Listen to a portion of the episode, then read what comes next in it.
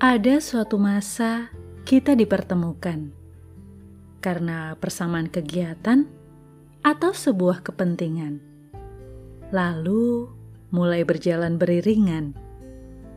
Namun, ketika langkah tak sejalan, kita mulai mempertanyakan, bimbang, dan berada di persimpangan.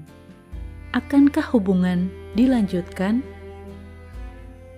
Ada kalanya ego perlu diturunkan, tapi ada saatnya pula kita bisa menerima bahwa sesuatu yang tak sama tak bisa dipaksakan.